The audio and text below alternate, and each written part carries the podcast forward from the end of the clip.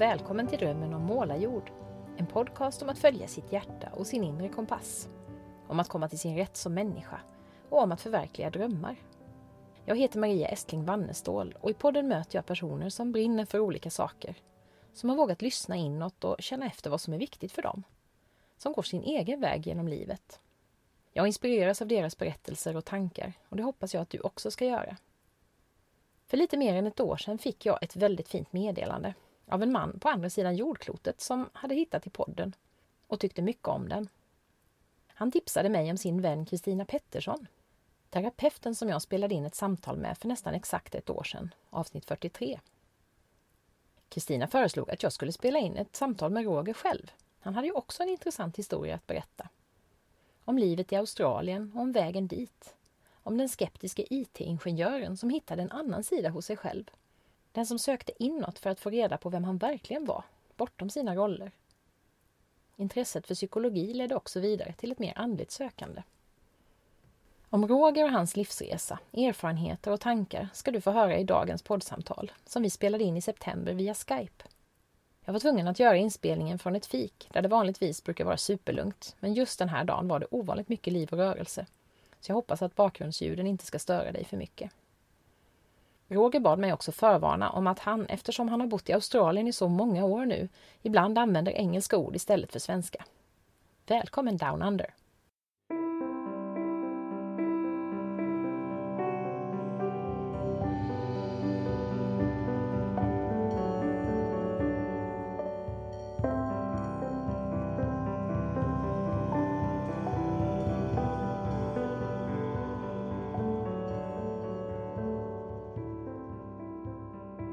Jag tänkte att jag skulle be dig först, innan vi går in på din spännande livsresa som ju har varit väldigt mycket av en både yttre och inre upptäcktsresa, som jag har förstått det. Mm.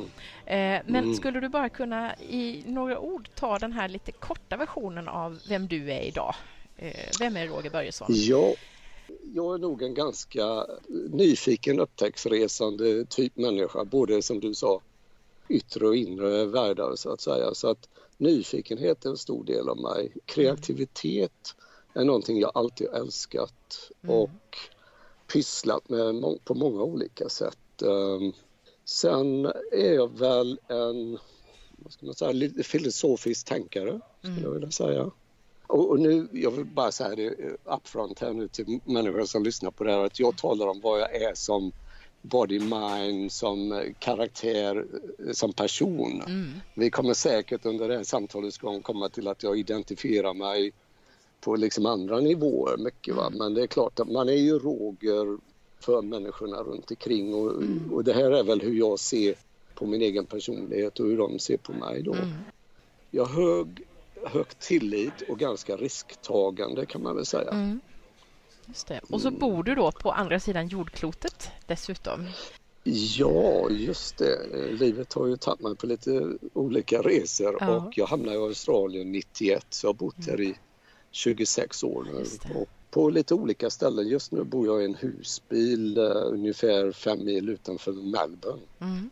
i väldigt vacker natur. Och Melbourne för oss som, som har Australien lite som ett sån här avlägset resmål. Jag har visserligen varit i Sydney så jag har varit där men, men vilken del av Australien mm. har vi Melbourne i? Ja, Melbourne ligger ju väldigt långt söderut Det är långt söderut, ja just det. Och eh, klimatet här nere är ju väldigt annorlunda än Sydney till ja. exempel. Australien är ju så otroligt det stort, det är lika stort som hela Europa. Ja, så att det är ju det är väldigt olika vad man har för klimat och natur Precis. och så. Men där jag bor är väl lite nästan som, ja lite söder om Sverige kan man säga. Ja. Vi har snö till exempel. Det har ni? Det, ja. Ja, det är inte just där jag sitter men eh, några kilometer härifrån mm. Eh, uppe i bergen så kan man åka skidor. Mm. Och... Ser du kängurur utanför fönstret och sådär eller hur, hur nära äh, är liksom djurlivet? Ja, det är ju ganska nära här i mm. Australien. Det är ganska gott om eh, vilddjur. Och, eh, jag har inga kängurur just här men vi har Eh, svenskar skulle nog tro att det var en känguru men det heter wallaby som Just är en lite mindre ja. känguruvariant. Mm. De härjar ute i skogen här ja. uppe i bergen ja. och gott om ormar. Ja, har du råkat illa ut själv någon gång? Av... Eh, jag har aldrig blivit biten men Nej. jag har varit väldigt nära alltså, dödligt giftiga ormar. man lär sig att leva med sånt där. Men visst är det lite otrevligt när man går ensam i skogen. Ja, så. förstås. Det är inget sånt som vi tänker på sådär jättemycket när vi går ut och plockar svamp här hemma i Sverige. Så det är ett ganska, ett ganska annorlunda liv tänker jag jämfört med vad många av oss som finns här och många av de som lyssnar på, på podden eh, lever. Och det är ju jättespännande bara det. Eh, Det är spännande, ja. Ja. ja. Jag gillar det. Eh, du, ska vi titta lite på din livsresa, den här upptäcktsresan som du har gjort och de här milstolparna i ditt liv, vad som har varit Mm. viktigt för dig och sådär. Du växte ju upp i Kungsbacka till en början. Ja, precis. Ja, en liten stad, 8000 invånare på liksom sent 50, tidigt 60-tal. Mm. Eh, Sen, sen flyttade jag till Göteborg, det var väl 69 tror jag flyttade in till Göteborg. Eh, Att växa upp då i en liten småstad där alla känner alla och Mm. eh, det är ju både för och nackdelar men som ett barn så kändes det som en otrolig trygghet. Ja. Men jag, jag vet att min mamma sa ibland så här att ja, det är inte alltid så roligt när alla känner alla. Nej. Det ska du veta. Hon tyckte det var rätt skönt att flytta till Göteborg. ja. Hur upplevde du det sen att komma till eh, storstan från den lilla stan? Ja, eh, det hände ju när jag var 15 och då börjar man ju bli lite nyfiken Mm. på, på både det ena och det andra. Va? Så att eh, hade det hänt tidigare så hade jag nog känt mig väldigt nervös. Men eh, när jag var 15, jag började liksom gå ut ganska tidigt, levde ett ganska fritt liv. Min far han var alkoholiserad så att det var liksom inte sådär koll på allting vad man hade för Nej. sig hemma. Sådär, va?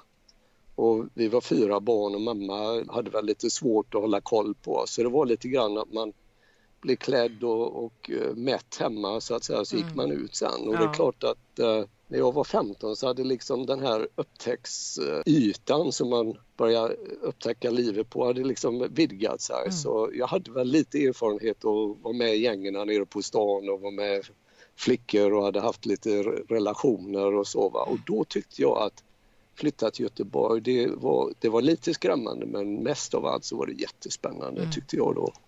Och det här har du liksom burit med dig i livet sen, det här med liksom öppenheten för Ja. nya platser och friheten och det. Så Mm. Ja, alltså det- som var skrämmande med att flytta till Göteborg det var väl lite grann liksom hur ska jag klara mig som kommer från lilla Kungsbacka bland alla de här Kortedala killarna och sådär. Allt, allt som hade, man hade hört nästan, nästan som lite Ja, det var väl lite påhittade historier då om hur farligt det var i Göteborg och så Ja. vidare. Va? Just. Och, och jag kom ju från en ganska liten skola då till Sveriges största skola, Brunnsboskolan och sådär. Men jag märkte väldigt tidigt att det där gick ju hur lätt som helst. Mm. Jag smälte in i miljön och fick nya kompisar och det taggade mig Mm. väldigt. Det var en upplevelse som jag tror då har hjälpt mig oerhört i att vara öppen till nya Mm. äventyr i Ja. livet. Ja. Ja, det är spännande det där tycker jag med vad vi liksom får med oss från barndomen. För det, det kan ju vara så olika saker man fångar upp i den. Men där har du uppenbarligen fångat upp någonting som du har haft glädje av sen då resten av ditt liv. Jag har stor tillit. Mm. Jag, jag vet det var någon av dina poddgäster som pratade om tillit Mm. och jag kände igen mig så mycket i vad hon sa. Jag är så lyckligt lottad att ha den tilliten för då Mm. kan man ju kasta sig in i äventyr och det har gått bra. Det är Ja. klart, lite grann har man bränt sig här och där men eh, det mesta tycker jag har gått otroligt lätt Ja, och ja. kul så i livet. Och du, kreativiteten nämnde du ju tidigare att du är en kreativ person. Och den, den hittade du också tidigt. Du var intresserad av mode och musik och film. Ja, just det. Ja. Just det.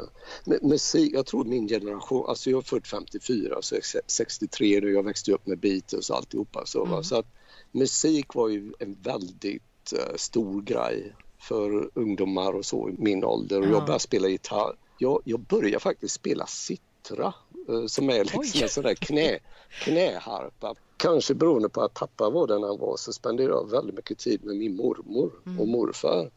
Och eh, jag blev nästan adopterad där som eh, deras favoritbarnbarn. Va? Och hon hade en sittra liggandes framme som jag älskar att sitta och plinka på. Det är ju liksom en harpa med ett antal fördefinierade ackord så Ja. hur man än rör händerna över den där sittran så låter det ju vackert. Va? Det är ungefär, det. ungefär som ett piano man sitter och leker med de vita tangenterna bara. Mm. Liksom. Mm. Allting harmoniserar och så. Ja. Så låg det en gammal gitarr också mormor som var min mosters. Den började jag spela på väldigt Mm. tidigt. Så gitarr och, och musik det har alltid varit en del av Mm. mig. Och sen det här med um, mode och design också. Det är kanske ja. inte så vanligt hos killar tänker jag att man att intressera sig för det. Hur Nej, kom du in på, den, eh, på de tankarna?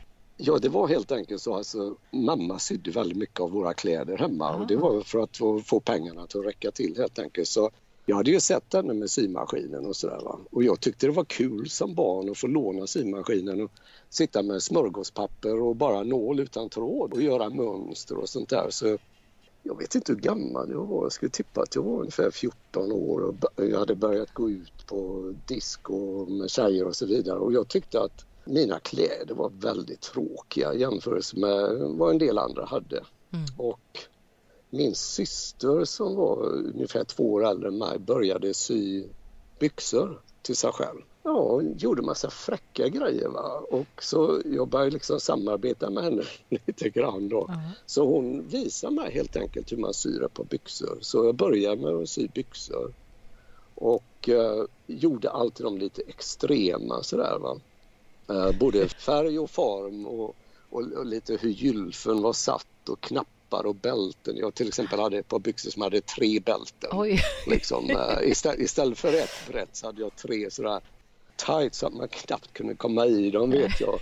Och så, och så extremt utsvängda. Och jag märkte ju väldigt tidigt att det, det var populärt. Folk frågade var har du fått tag i de brallorna? Jag sytt dem själv. Ja. Och du vet, det, det var en bra chic magnet som man säger här. Ja. Liksom. Det drog tjej, tjejer blev väldigt impade.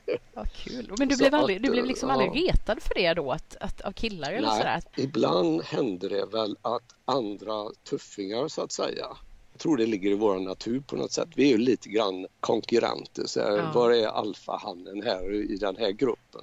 Och ibland var det ju så om man åkte till ett diskotek som inte låg där folk kände en utan man kom dit som en utomstående och, och stack ut som jag gjorde då. Va? Så de som så att säga var styrande alfahannar i den miljön kom ja. ju ofta upp liksom och skulle mucka gräl och sådär. Ja.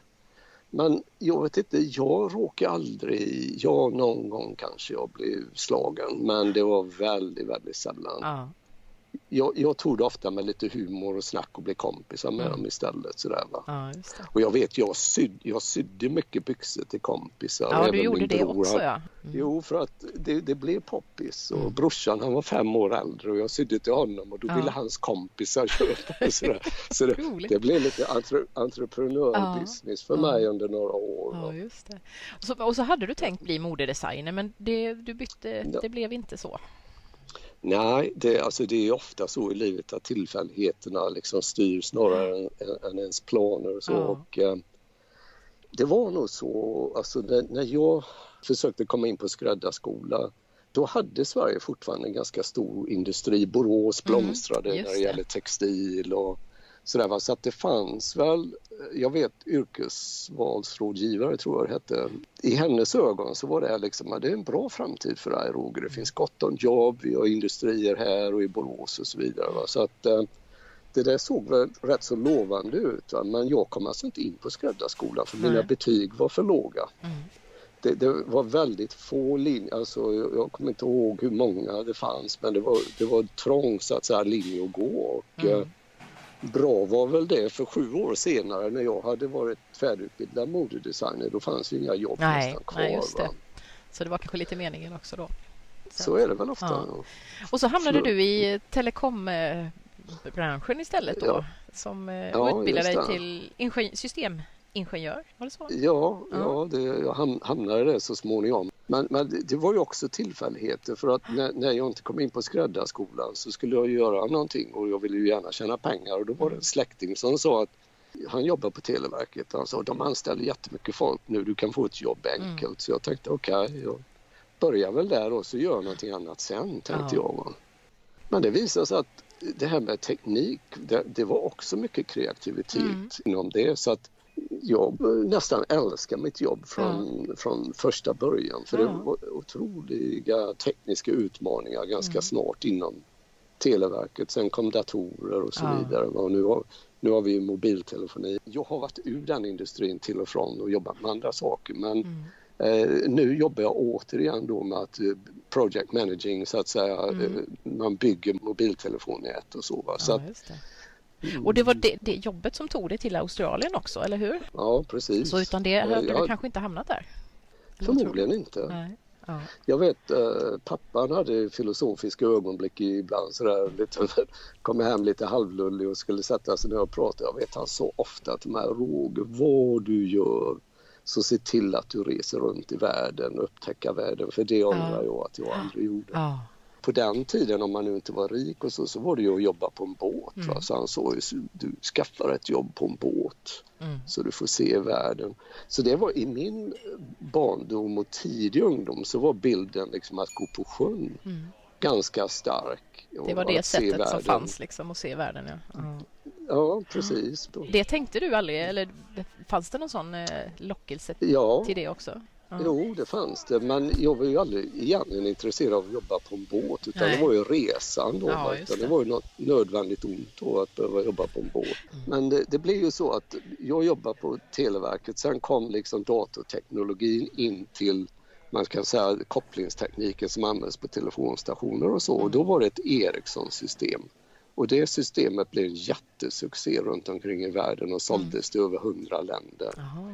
Och det var då i samband med det så började jag studera igen då, mm. studera programvara och lite annat sånt där. Och då öppnade sig ju hela världen för Ericsson ja. skrek efter experter. Och det var ju många länder man kunde hamnat i men när väl det hände så var jag gift och hade två barn. Mm. Och eh, de hade ju lite att säga till om också, vi skulle åka i världen och jag var över i USA och jobbade lite grann och har varit i en del andra länder för kortare arbetsuppdrag mm. men familjen ville inte hänga med.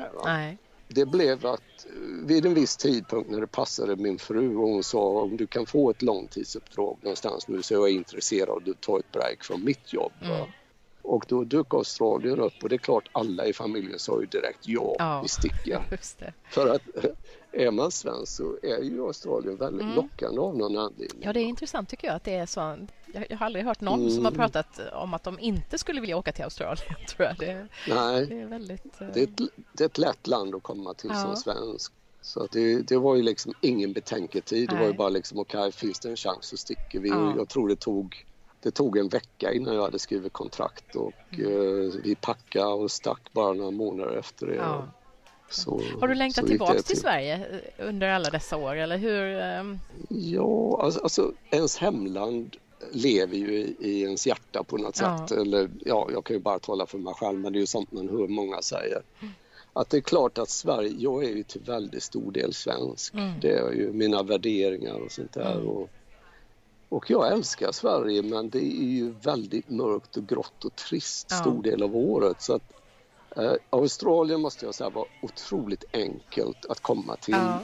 Nu kom ju vi väldigt lyckligt lottade. Det är röda mattan, företaget betalar, ja. shipping containers med allting och så vidare. Ja, just det. det, Lätt det, det att etablera en... sig och så också. Ja, och så kunna prata språk och alltihopa. Jag ja, menar, det, det, finns ju andra som har kommit till Australien som inte är lika lätt för. Va? Men, så det var väldigt lätt att akklimatisera sig här och sen så är det också så att svenskar står ganska högt i kurs. Ja. Eh, om man nu ska prata om rasism och sånt där. Va? Så det. det. är mycket, det är mycket enklare att komma som svensk hit än att komma hit som asiat mm. eller, eller afrikan och sådär. Ja. Va? För även om australiensare är väldigt öppna för olika kulturer så finns det ju rasismer också. Mm, ja. Och är det så där, eh, man hör, jag har ju ofta den här bilden av Australien att det är väldigt, ja men det är laid back, det är easy going liksom. Ja. Är det så? Upplever du det så? Eh, ja. Nu när du har bott där så många år eller har du sett andra sidor av det? Också? Ja, alltså det har ju förändrats under de här 26 åren, helt klart. Mm. Alltså, om man säger hetsen och stressen på arbetsmarknaden så det är beroende på vad du jobbar med. Mm. Men inom det jag kan se, inom de industrier som jag har varit involverad i, så, som jag ser mina barn nu jobba i, så ökar pressen här också. Men jag tror ändå den är mycket mindre än de flesta ja. länderna som är i Europa till exempel mm. och i Sverige. Och det finns en kulturell acceptans här som jag inte upplevt fanns i Sverige. I, I, Sverige upplevde jag väldigt mycket att, eh, att man förlorade ansiktet på något sätt när man kom till ett möte och inte var förberedd eller mm. inte hade gjort sina action points. Um, om man hade sagt att man skulle göra en sak så liksom man, man var tvungen till att Ja. hinna med det på den tiden oavsett. Lite plikttrogna sådär. Otroligt Mm. plikttrogna. Och det upplevde jag här i Australien. Det tog ett tag att bli van vid det men det kändes väldigt avslappnande Mm. När man upptäckte att man kan faktiskt komma till ett möte och bara ha gjort hälften av sina action point. Och man behövde inte ha särskilt bra förklaring Nej. heller. Och jag var väldigt förvånad. Jag kunde liksom sitta och tänka, men hur kan de acceptera detta? Mm. Men, men det var så. Det var mycket mer laid back. Ja. Eh, Sen är en sak som jag noterar framför allt inom arbetslivet då att jag upplevde att i Sverige så när man är på arbetstid och man är på ett arbetsmöte och så vidare så är nästan alla de är sin arbetsroll så att säga. Man identifieras så som man är i sin arbetsroll och folk eh, här i Australien var väldigt olika tycker jag, annorlunda. På så sätt att jag vet att jag blev inkallad ganska tidigt på ganska stora möten med kunden som var så då jobbade jag för Ericsson och vi gick till kunden som var australiensiska televerket på den tiden. Och vi satte oss ner, det var allvarliga problem att diskutera, det gällde mycket pengar så det var tufft så att säga. Va? Men så okej, nej, nu ska vi ha fika och då var det precis som att man bara flickade en switch. Ja, men tjena Roger, vad roligt, kommer du från Sverige? Vad, har du, är du gift? Har du Ja. barn? Vad gillar Vad gör du på helgen? Och så och det Just var det. som att vi är polare här. Ja. Liksom? Och det fanns utrymme Och, att släppa eh, fram den där privata sidan av sig själv då som kanske är svårare Absolut. här. Ja. Absolut, och det tog väldigt lite tid att bli, alltså, så som jag kände, väldigt god kompis med Ja. allihopa. Ja. Väldigt kvickt för att folk brydde sig verkligen om vem jag var som Ja. person och min familj. Och, och de sa ofta, här i Australien så lever vi inte för att jobba, vi jobbar för att leva. Ja. Jag, jag tyckte det var otroligt skönt. Ja. Man kunde helt plötsligt andas ut på något sätt. Ja. Va? Och jag tror att det, mycket av den kulturen finns kvar men visst, man blir utbränd här också och visst, man, man har det tufft i många olika arbetsuppgifter. Jag, jag har jobbat mycket som projektledare och det, det är tufft här. Ja, det är det Det är verkligen. snabbt tempo och så där också. Ja, spännande. Du, eh, den här IT-killen då, ingenjören, han har ju en annan sida av sig själv också som jag tycker är så spännande. Mm. Ja. Hur hittade du den här andra delen av Roger som är intresserad av Mm. psykologi och djupa samtal och andlighet och så här? Vill du berätta lite om Ja, det? Det, det är ju en lång resa det där också men Mm. eh, vad säger så här, i min tidiga barndom och så, så eh, jag får säga att jag tyckte väldigt mycket om kristendom i skolan som ämne så jag tyckte det var intressant. Det var som att hit, sitta på storytelling liksom. Va? Jesus och han gjorde det och det var det ena äventyret efter det andra. Och min mormor var kristen och ganska religiös och pratade mycket om eh, massa kristna värderingar och sånt där. Mm. Och jag vet att hon pratar om Gud väldigt ofta och, och liksom som en slags kärleksfull fader så att säga som älskar mig, alltså Roger. Du ska veta att Gud älskar dig över allting annat och du är en sån fantastisk människa som är skapad av Gud och sådär va. Så någonstans i min tidiga barndom så fick jag en slags gudsbild kan man säga om att världen är en trygg plats, universum och Gud gör allt för att du ska leva lyckligt och kommer att ta hand om dig. Och om du faller så kommer han att lyfta dig upp och borsta av dig och hjälpa dig och sådär. Så jag hade liksom eh, en slags intutad tillit redan där. Och jag, jag tror det återkom lite senare men sen är det klart så kommer tonåren och man börjar ifrågasätta väldigt mycket dogma. Uh, och jag vet att jag lämnade svenska, jag konfirmerades men det var ju egentligen bara för att få pengarna på konfirmationsfesten och, och för att mamma alltid sa att hade morfar levat nu så hade han you know, blivit alldeles förtvivlad om inte du konfirmerade dig.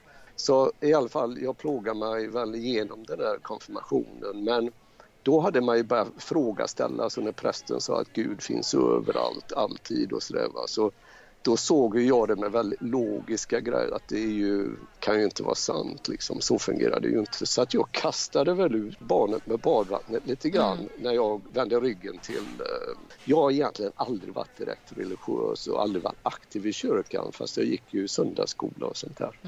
Men i alla fall, jag gick ur Svenska kyrkan mest med en protest på att vi, det här med kvinnopräster, det var debatt om Just det. Och, så där. jag det var där. Och, och, jag var eh, som ung uh, Roger så var jag ganska aktiv inom uh, facket kan man säga och lite på vänsterkanten och Socialdemokraterna och sådär och, och var väldigt kvinnosaksmänniska, alltså jämställdhetsmänniska. Mm. Så att det här med andlighet och sånt det försvann liksom på något mm. sätt under många år. Och jag tänkte inte mer på det och någon psykolog eller intresse för psykologi hade jag egentligen inte även om jag hade ofta djupa funderingar. Mm. Men, men så var det så att jag och min fru då när eh, jag tror när min dotter började på dagis för det var så att när barnen föddes och så, så började vi jobba deltid så vi använde den här föräldraledigheten genom att dela 50-50 på den. Så jag var hemma en vecka och så var hon hemma nästa vecka. Och sen så fortsatte vi så under ett antal år även efter det att eh, föräldraledighetsgrejerna var slut. Och, eh, sen så tyckte vi, ja, nej, nu ska yngsta barnet, vår dotter, hon ska börja på dagis och så vidare. Nu kommer vi bara leva ett annat liv. Mm. Och vi tyckte väl att nu ska vi liksom sätta nya mål för vår relation och så här, va? Så vi visste att man kunde få tio sessioner med någon psykolog inom kommunen eller någonting sånt där. Så det var något program som var fritt genom landstinget. Så här.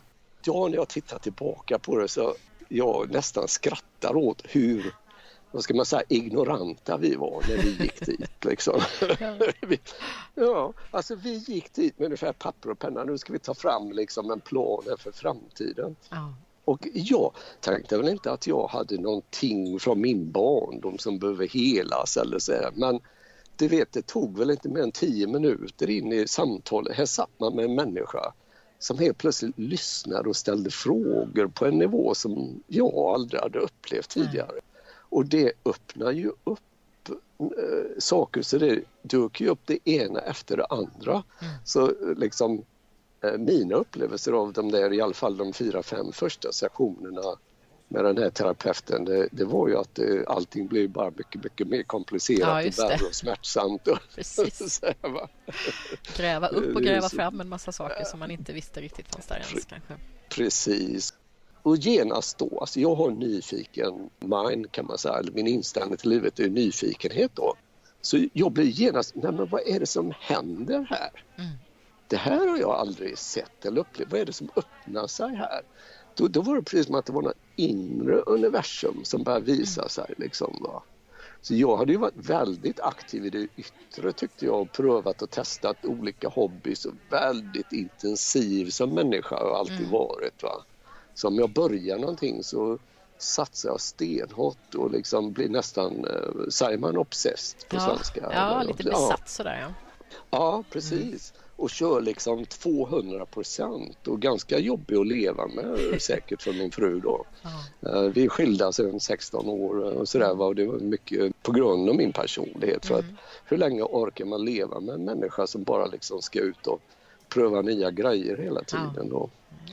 Ja. Så, men för att återgå till den här inre resan då, så det var startskottet, de här tio timmarna ja. med en psykolog i Borås. Va? Och det är klart att vad som hände då, va, det var ju Dels var det en insikt om att det finns någonting väldigt stort och rikt på insidan av mig mm. och hur jag upplever känslomässigt, hur, hur tänker jag om saker och ting? Mm. Hur relaterar jag till människor och, och livet i stort då? De frågorna, började, mer filosofiska då, frågor mm. började komma upp.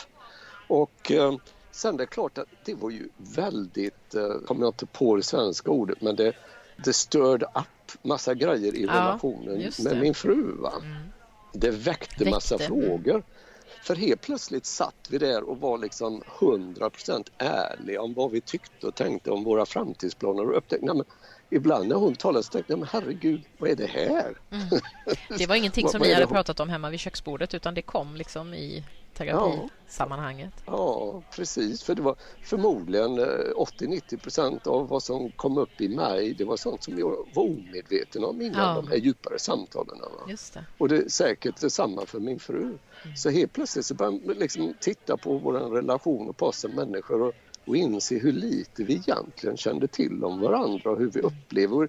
Naturligtvis var det saker som man inte hade sagt till varandra för man ville inte såra, man ville att det skulle vara frid i hemmet. Och både jag och min fru var typiskt svenska att vi var väldigt konflikträdda. Mm.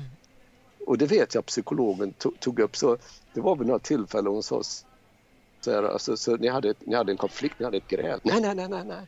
Ingen konflikt, inget gräl. Nej, vi hade bara olika mening. Ja. Men så sa ja men det är inget fel med att ha en konflikt Roger. Nej. Det är inget fel. Ja, det är inte farligt. Liksom, nej. nej. det är inte farligt att bli nej. arg eller få nej. ut sina känslor min upplevelse nu när jag ser tillbaka så var det ju väldigt, väldigt ol alltså olja på vattnet ja. hela tiden. Mm. Jag hade nog säkert mycket med mig från min barndom för man lever i ett alkoholisthem så går man på äggskal hela tiden så att säga. Va? Men i alla fall den här inre resan det var ungefär det var startskottet till ja. någonting otroligt rikt och berikande och stort och fascinerande mm. som har tagit över mycket utav Visst har jag mycket upptäcktsresande i det yttre också men de, de, stora grejerna, det som fascinerar mig det är mer vad som händer på insidan ja. och hur jag relaterar så till världen. Och sen har du fortsatt med det här då. Du har läst och du mm. har gått kurser och varit på mm. workshops och, och där. Vill du berätta mm. lite om vad, vad, har du, vad är det du har upplevt? Ja, det skulle ta många timmar. Men alltså, the samma, short version. Ja, the short version är att jag har blandat eh, normal terapi, alltså olika terapiformer, mm. rebirthing med massor av olika workshops, format blandat med lite olika spirituella så att säga, teaching och att liksom tillhöra eh, eller åtminstone följa en viss spirituell ledare mm. under ett antal år och försöka verkligen förstå vad hon eller han så att säga pratar om då. Mm. Och sen är det böcker som du säger, det finns ju otroligt mycket litteratur och, mm. om spiritualitet, om filosofi och vad vi är egentligen som människor och mm. den här planeten och det här universumet. Och, mm. Så det, det, det, har liksom aldrig slutat. Det har liksom varit en uh, stor del av uh, mitt liv och när jag kom till Australien så fanns det väldigt stort utbud här. Ja, mer uh, än i, i Sverige. Upplevde du det? Att det var, att det var en större ja. öppenhet för de här mm. frågorna där? Eller? Mm.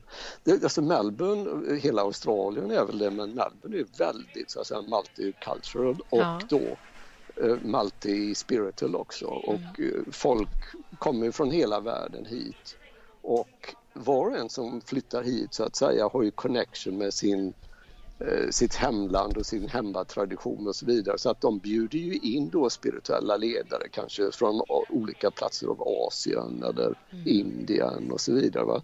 Så att det, det fanns allt. En Ett smörgåsbord att plocka av bara absolut, så, ja. Absolut, ja. Och eh, jag prövar väldigt mycket för att eh, jag var också väldigt skeptisk alltså, måste ja, jag säga. Då hade varit, ja, det är intressant alltså, jag tycker jag med ju, den bakgrunden du hade där. Ja, och eh, jag kanske alltid har varit lite skeptisk men i och med ja. att jag hamnade mer på ingenjörssidan ja. av saker och ting så, så läste jag ju väldigt mycket liksom, naturvetenskapliga grejer och kvantumfysik och sånt där intresserar mig väldigt tidigt också. Mm. Så att när folk inom the new age började prata om quantum physics och sånt så var jag väldigt skeptisk till deras förklaringar och hur det så att säga påverkar oss och så. Men intresset finns där. Jag är villig att lyssna på väldigt, väldigt mycket men jag går liksom hem och tuggar på det och så spottar jag ut 90 procent. Ja, men det var så, om man nu ska komma till det här skeptiska då, att psykologi var första steget liksom. och det var ju inte så, det tog jag mer som en slags science även om det var en, den kanske i sin infancy så att säga mm. fortfarande, att vi inte har kommit så där jättelångt med den men eh, det var ju, jag läste C.G. Jungs första böcker, det, det, Unconscious och så vidare och Consciousness och sådär och började liksom studera och gjort ett två år eh, diploma i counseling som var nästa delen var psykologi och så. Mm. Det hade jag liksom inte svårt, det är mycket teorier och sånt där va? även om C.G. Jung så att säga pratar om the collective uh, subconscious och sånt där va? och mm. archetypes och sånt som jag tyckte verkar lite flummigt men då är det också så och jag tror att du kanske känner igen dig själv i det att man kan lyssna på någonting och ens mind, så att säga logical uh, mind ifrågasätter det mesta men du känner någonstans ja. att det ligger någonting i det här för du känner igen fenomenen Ja. de pratar om. Och någon del av det, jag vet när jag gick till min första guru, hon hette Gangaji då, en amerikansk kvinna som hade spenderat tid för en, en, en guru i, i Indien då. Och hon kom från det non-duality teaching grupp eller vad man ska säga då som den första största ledaren var väl Sri Ramana Maharishi då som pratar väldigt mycket om Who am I? Vem är jag egentligen? Och jag vet när jag satt och lyssnade på henne första gången, jag, jag gick dit under protest lite grann för det var min fru då som tyckte att vi ska gå och lyssna på henne. Nej, jag vill inte höra. Jag läste lite grann om enlightenment och vad hon skulle prata om. Jag tänkte okej, jag går med. Ja. Men jag minns, jag gick in och satte mig i rummet och från det ögonblicket Gangaji kom in och satte sig i rummet så satt jag mer eller mindre i något slags trans där Ja. med ett leende på läpparna. Ja. Och jag kommer ihåg lite grann om vad hon pratade om. Men när jag gick därifrån så var det liksom min logiska mind kom inte ihåg. Ja, jag vet att hon sa att jag är inte den jag tror att jag är. Så tror jag hon började. Mm. Men sen minns jag inte så mycket. Men jag minns, alltså min, hela min energi var förändrad. Ja. Och jag, jag hade, du vet ibland om man ser en riktigt rolig film så kan man gå ut och känna att muskler Ja. musklerna i käkarna och så där, alldeles liksom, de är nästan kramp för man Ja. har suttit med ett, ett jätteleende hela tiden. Ja, precis. Så det, alltså någonting hände där, den Ja. första gången jag satt med Gangadi då och jag gick aldrig upp och pratade med henne, jag satt långt bort i ena hörnet och önskade väl att ingen hade sett att jag gick dit och sådär va. Ja. Alltså, så, så sjukt var det ofta för mig i början. Alltså att jag, många grejer jag gjorde så tänkte jag ofta så här, tänk om någon från jobbet såg mig nu. Ja, jag, jag vet, det. jag, ja, det är intressant det för att, ja, precis. Och det har ju med det här skeptiska och vad Ja. folk ska tycka och tänka och så. Jag vet, jag gick tidigt till någon Osho-grej då. Vi gjorde dynamisk meditation, vilket är i princip man står och hoppar och hoar och tjoar och puttar händerna upp mot taket och, och liksom håller på i 40 minuter tills man är alldeles exhauster och så vidare. Alltså man Ja. jobbar sig själv till trans-diet och så. Och jag vet så många gånger när jag gjorde en del av de grejerna, jag visste att jag var där för a reason så att säga. Va? Ja. Det var någonting att upptäcka här men jag tänkte hoppas ingen ser mig från jobbet alltså. Liksom. Det var den där klivna delen under många år då Ja. mitt body mind och mitt ego var jätterädd för Ja. vad mitt inre, mitt själsliga och spirituella jag Ja. skulle liksom man kan säga så att egot höll i mig som om jag var någon slags uh, varmluftsballong på väg att blåsa iväg. Men Mm. mitt ego, nej du sticker inte, du håller det här liksom just på jorden. Ja. Eh, så, så så var det ofta. Men Ja. Gangari betyder jättemycket för mig. Mm.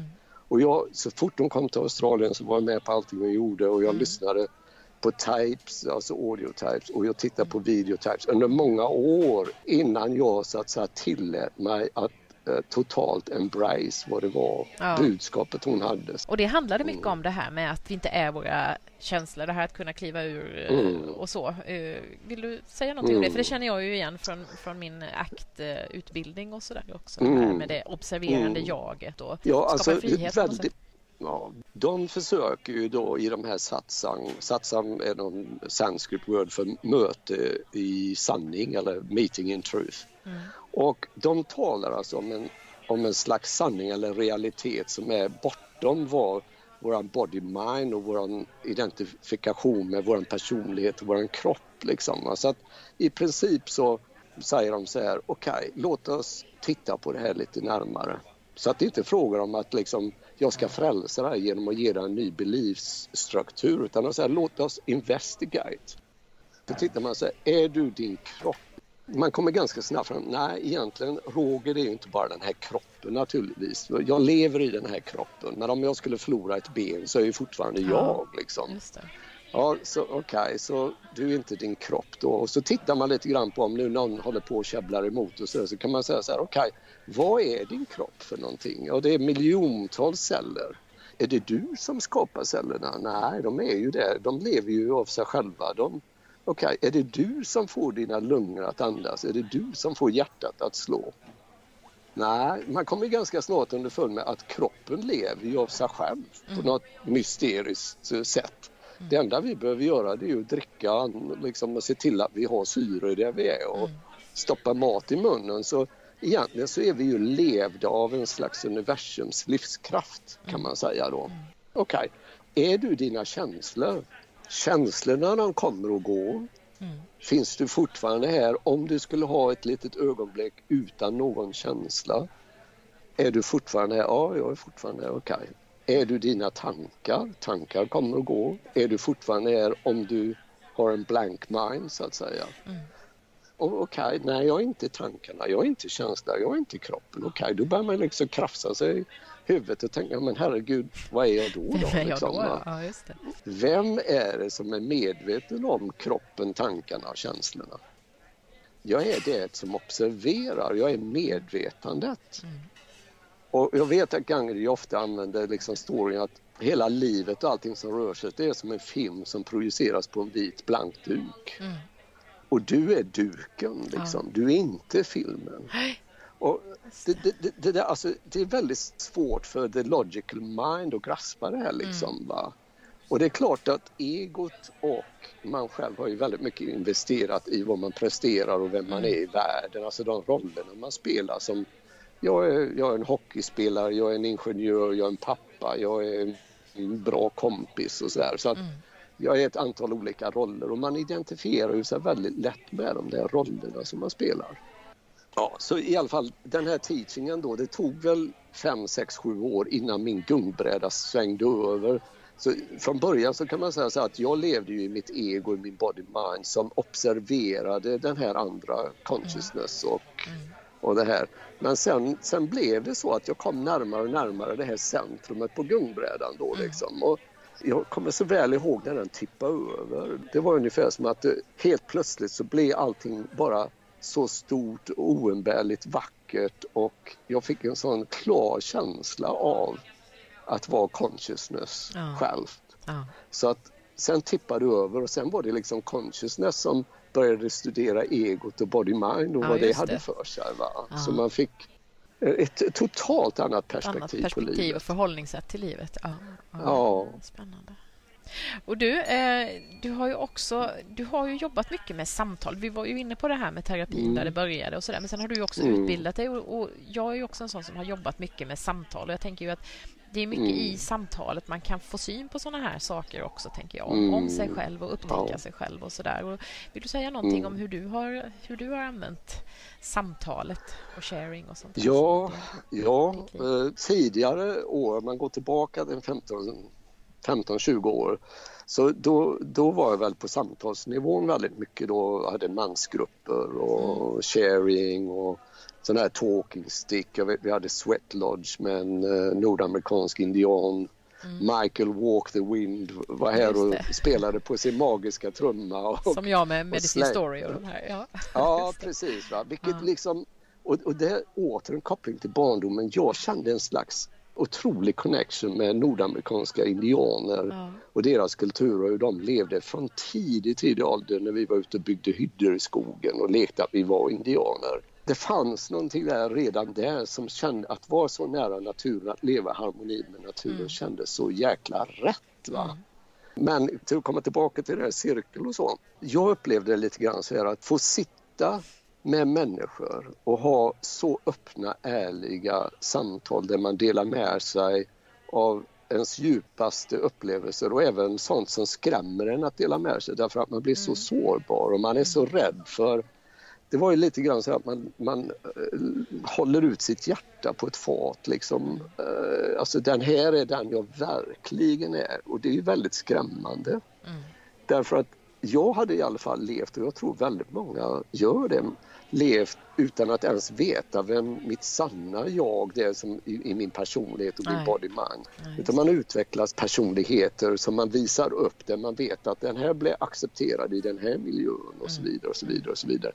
Och in där någonstans så fanns en rädsla att om jag visar vem jag verkligen är så skulle mm. ju folk då skulle folk helt plötsligt genom, vad säger man?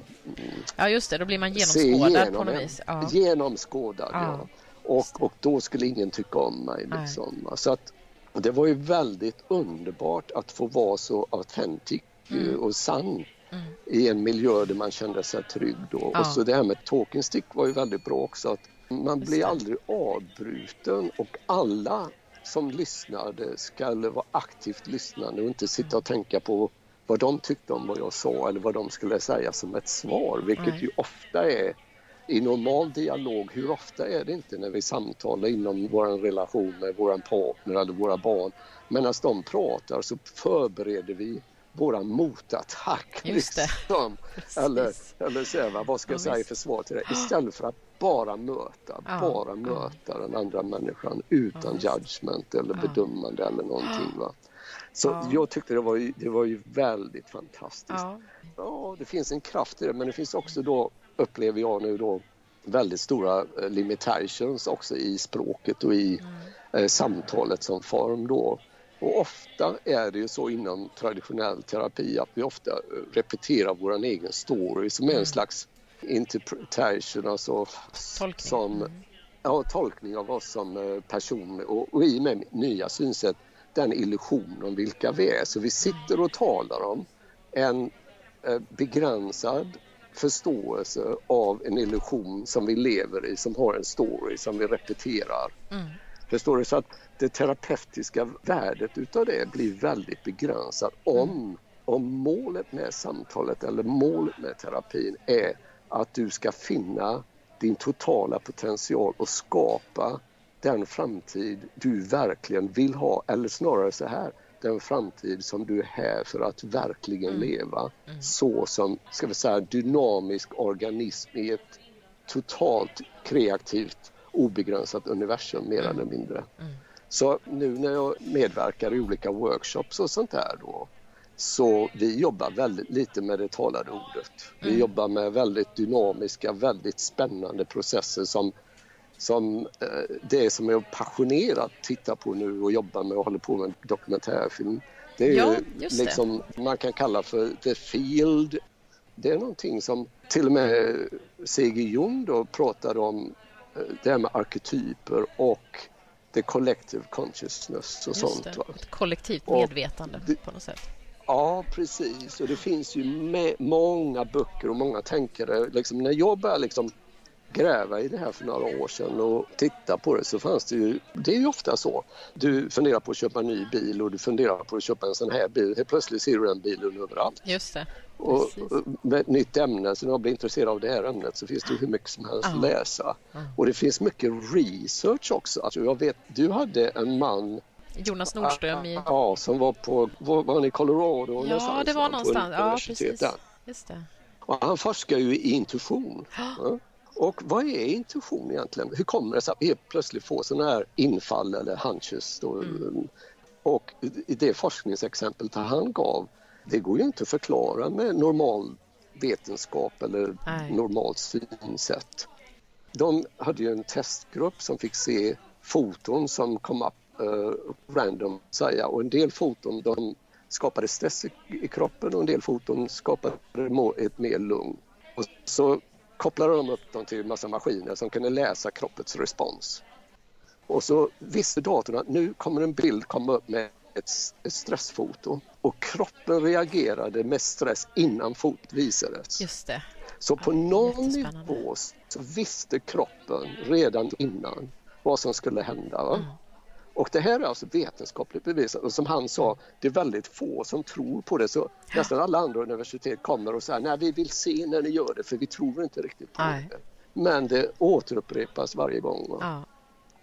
Och, och då, då hade jag redan börjat titta på det här med fältet, då, det morphic eh, resonance field, då, vad, vad det är enligt teorier. Så det finns massa olika teorier men de är i princip väldigt lika i sin samstämmighet när det gäller vad det är som vi får tillgång till via det här fältet. Mm. Sen finns det olika förklaringar till hur fältet kommunicerar med oss som människor då. Fast det, det tror jag man själv har kommit fram till. I alla fall, jag har hittat en modell som, som jag tror på, som mm. låter sanningsenligt. Men det intressanta är, och konceptet, det finns en bok som heter The Hypothesis, Hypothesis hjälp mig med min hypothesis of uh, formative causation. Ja. Och den är skriven av uh, Rupert Sheldrake Ja. Och han säger så här, han har studerat det här väldigt, väldigt länge i sitt liv. Och det går tillbaka till C.G. Jongs påstående om the collective consciousness. Han påstår sig ha kommit fram till att alla arter som lever på den här planeten, i alla fall det är de vi känner till, djurarter och, och så människor, alltså olika däggdjur, av liknande sort får tillgång till hela den artens kollektiva visdom som ja. ackumuleras från det att den arten så att säga skapades. Och man ser det inom djurvärlden och vi talar om instinkt, då att djuren har instinkt. Men vi vet ju inte riktigt hur, hur funkar Nej. instinkten? Är det någonting de har i sin lilla hjärna eller är det inbyggt i varje cell i deras kropp? Eller? Vi vet väldigt lite om det. Mm. Men med det här morphic field och så, så är förklaringen att vi står i ständig kontakt via ett slags kommunikationssystem som är lite fortfarande outforskat men det finns teorier om det. Mm. Där vi på något sätt kan kommunicera med den totala kunskapen. Så mm. all information som totalt finns inom mänskligheten och som har ackumulerats under alla års mm. forskande och visdom och tänkande. Sånt Eh, böcker då, Den magiska gnistan och så, det var ju också via din podd som jag hörde henne tala. Ja, just det. Och jag tänkte, hon, Kajsa kan sätta ord på det här på ett väldigt logiskt och väldigt fint ja. sätt så jag ska köpa hennes böcker tänkte jag direkt. Ja. Och hon pratar också om intuition och hon beskriver ju sin egen personliga upplevelse ungefär som att universum frågade henne, är du villig att skriva de här böckerna? Mm. Hon våndade sig lite för hon visste att säger hon ja till det här så ja. innebar ju det liksom år av arbete. Ja, att sitta och försöka sätta ord på det här. Liksom, ja. Därför att det talar ju inte till oss i ordval utan det är ett konstigt sätt som är svårt att beskriva. Man bara känner på sig. Liksom. Man får insikter lite så här som flashar bara. Men i alla fall, jag blir jätteintresserad av det och där är jag nu. Liksom. Jag lyssnar mycket på din podd eh, och du pratar ofta om Gräv där du står. Och jag bor ju nu som jag sa i en husbil. Jag bor ute i skogen eh, i liksom utkanten av en kursgård kan man säga. Och den bedrivs av ett äldre par. De har jobbat med människor och eh, transformational workshops för, i 40 år, över 40 år.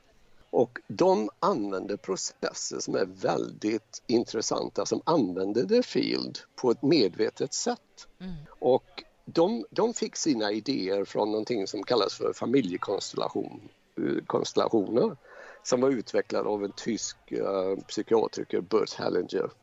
Och i, i den processen så kallar man in familjens field in i rummet och använder sig av den för att reda ut djupare, man kan säga blockeringar inom kärleksflödet inom familjen.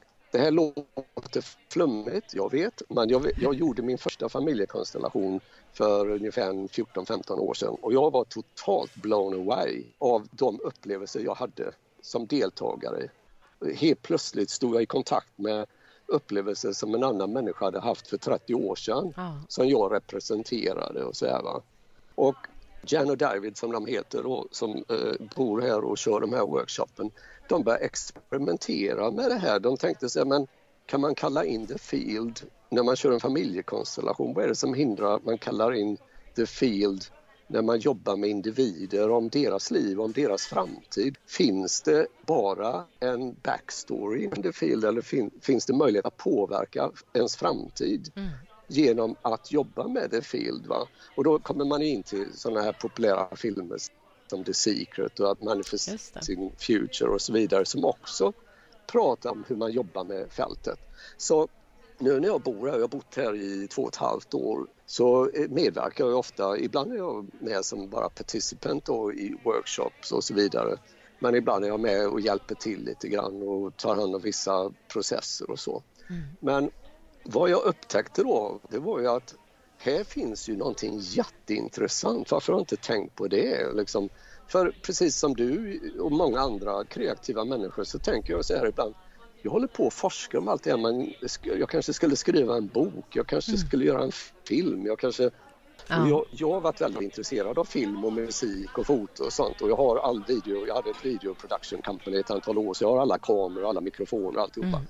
Och så när, när jag lyssnade på det du sa gräv där du står så tänkte jag så här men herregud, jag skulle kunna göra en dokumentärfilm Aha. om Jan and Davids och vad det är de jobbar med i Field och så liksom eh, väva in då olika vetenskapliga experiment och intervjua människor då som man ofta gör i en dokumentärfilm. Just Så jag det. började den där för ungefär ett år sedan och jag gav mig, jag sa så här lite löst att jag ger mig själv ungefär två år att göra den här filmen. Men det kostar ju pengar och man ska intervjua människor som bor på olika platser i världen och så vidare. Så att jag har börjat jobba deltid nu och, försöker se till att mitt jobb kan utföras var jag än är. Liksom. Så länge jag har internet connection så kan jag sitta var som helst i världen. Så att min tanke är liksom att söka upp nu människor för att intervjua dem och bygga en story om vad det är Jan and David gör och Ja. vad som händer med de som kommer hit. Och så då integrera in intervjuer och sådär. Liksom.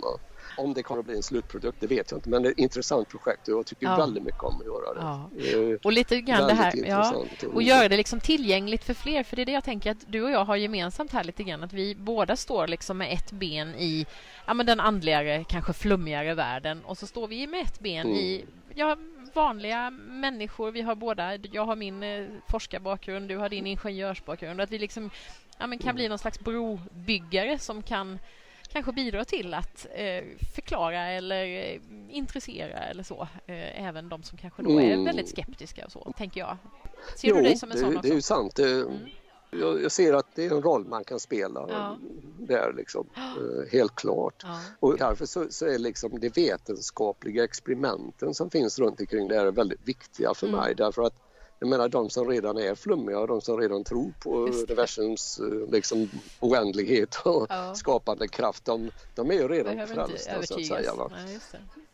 Men alltså jag är väldigt intresserad av det här också från utgångspunkt vad kan vi göra liksom konkret för att förbättra världen genom att, att ha medveten om hur det här fungerar? Ja. Kan man använda det i skolan? Kan man använda det inom politiken? Kan man använda det för förbättra miljön och vad vi gör med planeten? Alltså, om man verkligen kan tillgodogöra sig all vishet och kunskap och sånt som någonsin har funnits inom mänskligheten här och nu när som helst liksom, Ja. så är ju det helt Öppnar ju fantastiskt. fantastiska potentialer verkligen. Verkligen, verkligen. Så att eh, det är kul alltså. Ja, det är ja, kul och jätte- intressant eh, Jättespännande. att jobba med det. Om man nu ska runda av det här va, så, så du talar ju ofta med människor som har en otrolig drivkraft och så. Jag har frågat mig lite grann innan en intervju, vad är min drivkraft egentligen? Mm. Och jag har haft väldigt svårt att hitta någon, man vill ju gärna hitta någonting som låter bra, jag vill jag vill eh, lösa världsfreden och så. Mm. Men alltså, jag måste säga att jag är nog mer driven av min egen egoistiska nyfikenhet. Alltså. Mm. Vad är det helt plötsligt jag får för mig att jag ska göra? Jag litar på det och så gör jag det så länge det är kul ungefär. Va? När luften går ur det projektet så ändrar jag riktning lite åt höger eller vänster, eller framåt eller bakåt. Och den här filmen, den har en jättebra början, jag gillar den. Vad, vad jag hoppas på nu om man nu ska prata om utkomster och så. Va? Så det jag har sett inom mig själv och, och nära vänner och i relationer och mina föräldrar och så. Va?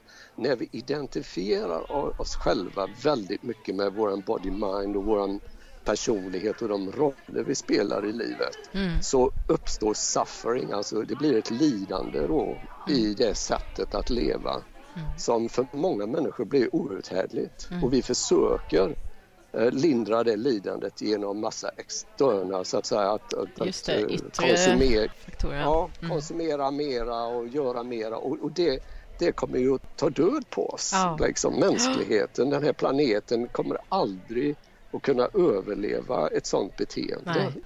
Vi är som en runaway train. Mm. Alltså. Vi står inför en total kollaps av hela ekosystemet, tror jag. Det låter nattsvart, det finns hopp och så, men någonting måste hända. Mm. Och om det är någonting jag ser med något högre syfte med alla de här grejerna då, för det är ju inget nytt jag pratar om, det här finns ju redan Mm. på Youtube och alltihopa. Till och med Alan Watts, den, den engelske filosofen, du kan hitta video från 1970 Mm. där han pratar om allt, alltihopa det här. Liksom, va? Så det är ingen, det är ingen ny kunskap. Nej? Men, det. Men det måste det är ju ut. ut- Ja, precis. Ja. Och det kanske är så att vi Det är lite mer redo nu. Jag vet inte. Det... ja, jag tror det. Det är ju mindfulness och yoga och Ja, alltihopa. det är ju, finns ju en, en sån, såna krafter också. Vid ja. sidan av de, de Ja. liksom mörkare krafterna så finns det också en väldigt stor längtan hos många människor tror jag Mm. efter just något annat. Och sen tänker jag, du säger att ja, du kanske har ett mer egoistiskt syfte, men jag tänker ju det också att när vi utforskar de här sakerna och lär oss mer om oss själva, lär oss mer, så alltså vi sprider ju också saker bara genom Mm. att vi, vi släpper lite av det där som du pratar om, den yttre, den yttre bekräftelsen, de Mm. yttre eh, faktorerna och sådär. Och, och bara det är ju någonting positivt. Vi, vi Ja. skapar ju någonting runt omkring oss. Det tänker jag ofta på det här Mm. liksom, med ringa på vattnet och att någon går lite före och visar vägen för andra och, och sådär. Så Mm. jag tror att du gör ett, jätte, ett viktigt Ja. jobb i det också. Ja, man gör, man gör det. Man påverkar varje människa man möter. Det är ju helt Mm. klart. Ja, Men. Vad, vad, vad som också är intressant med den här eh, hypotesen om att, vi, att alla människor tillgång till alla människors, hela mänsklighetens visdom. Så även om jag inte mötte en annan människa, så enligt den teorin så vad jag än bearbetar och, och, och så att säga jag jobbar med Mm. och står i kontakt med fältet kommer ju alla andra människor till godo också. Jag vet att i Kajsa Ingmarssons böcker så pratar hon om det att ingenting du gör är meningslöst Nej. eller för litet. Det, det spelar ingen roll om vi är Mm. Nelson alltså Mandela eller om det är någon som sitter och mediterar i en eh, grotta i Himalaya så att säga. Vi bidrar alla. Ja. Eh, Sen blir det ju så att vissa människor så att, står i ja, rampljuset men visst. mer och har Så är det ju. förmågan. Ja. Mm, Men det är ju så- alla så de är där små pusselbitarna som, som var och en bidrar med på något sätt och byggstenarna Mm. som, som bygger en, Precis. någonting annat. Ja. Ja, det är jättespännande och jag hoppas verkligen att du ska eh, bli klar med dokumentären för den ser jag fram emot att titta på. Det låter jättespännande. Jag blir nyfiken på att lära mig mer om Ja. det här också. Ja, när, när, när, jag har mitt first cut så kan jag skicka den till dig så kan du ge Ja. mig lite feedback. Ja. Då, får du en fem timmar lång Ja, dokumentärfilm som, Ja, ska, så, som ska ner till ner en. till 40, ja, till 40 minuter. Ja, Ja. Jättekul. Ja, men så är det. Ja, Mm. tusen tack Roger för att jag fick prata med Ja. dig på andra sidan jordklotet. Eh, och Ja, lycka det. till nu med projekt och allt. Och jag hoppas att du ska Mm. fortsätta lyssna på podden också och få lite Ja, inspiration därifrån. Jag kollar varje vecka om Ja. det är något ny, nytt release där på Just. Drömmen om målarjord. Du får inte stressa mig bara. det, är Nej, nej, nej. det bestämde jag mig när jag, när jag startade podden att jag ska inte, ha, liksom inte sätta upp några sådana där yttre ramar för den utan den får komma när den kommer. Så Mm. Det tycker jag är ganska skönt. Mm. Att lägga ut när jag känner att jag hinner och, och orkar. Mm. Det är härligt när ett arbete kommer ur inspiration och Ja. utan press. Ja. Mm.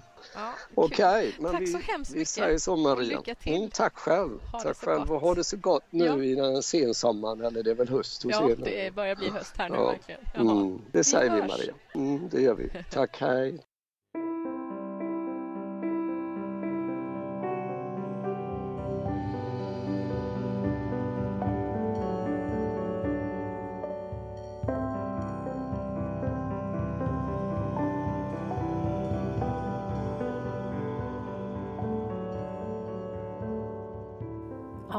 Det spännande saker han berättar om Roger Börjesson.